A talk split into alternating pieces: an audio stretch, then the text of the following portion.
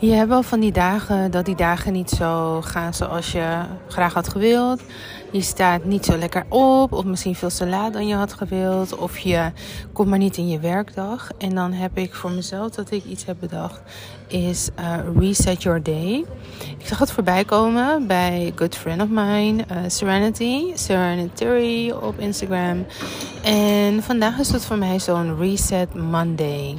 Wat betekent dat nou? Is dat ik merkte dat ik te laat naar bed ben gegaan, waardoor ik niet vroeg kon opstaan. En in de ochtend besloot ik dus: oké, dit wordt gewoon een slow start of the day, zodat ik daarna gefocust een paar uurtjes kan werken.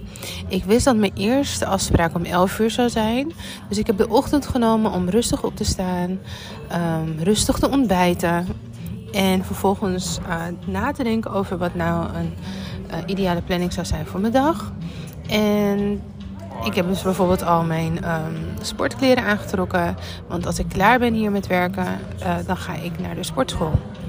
Dus reset, reset your day betekent gewoon niks anders dan je dag anders indelen dan wat je het had gepland. Even een reset doen. En vanuit die reset, waar je dus even de rust neemt om opnieuw alles te plannen, dan gefocust aan het werk te gaan.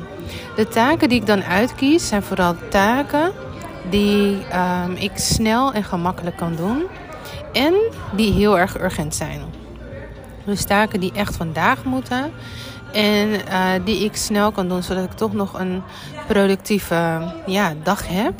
En wat ik voorheen deed, is dat ik voorheen bijvoorbeeld, nou, voorheen ging ik dan, dacht ik, nou, vandaag is verloren dag. En dan ging ik drie dagen extra hard werken. Terwijl ik vind van, nee, ik reset de dag zodat ik vandaag alsnog productief kan zijn en kan afsluiten met een succesvolle dag.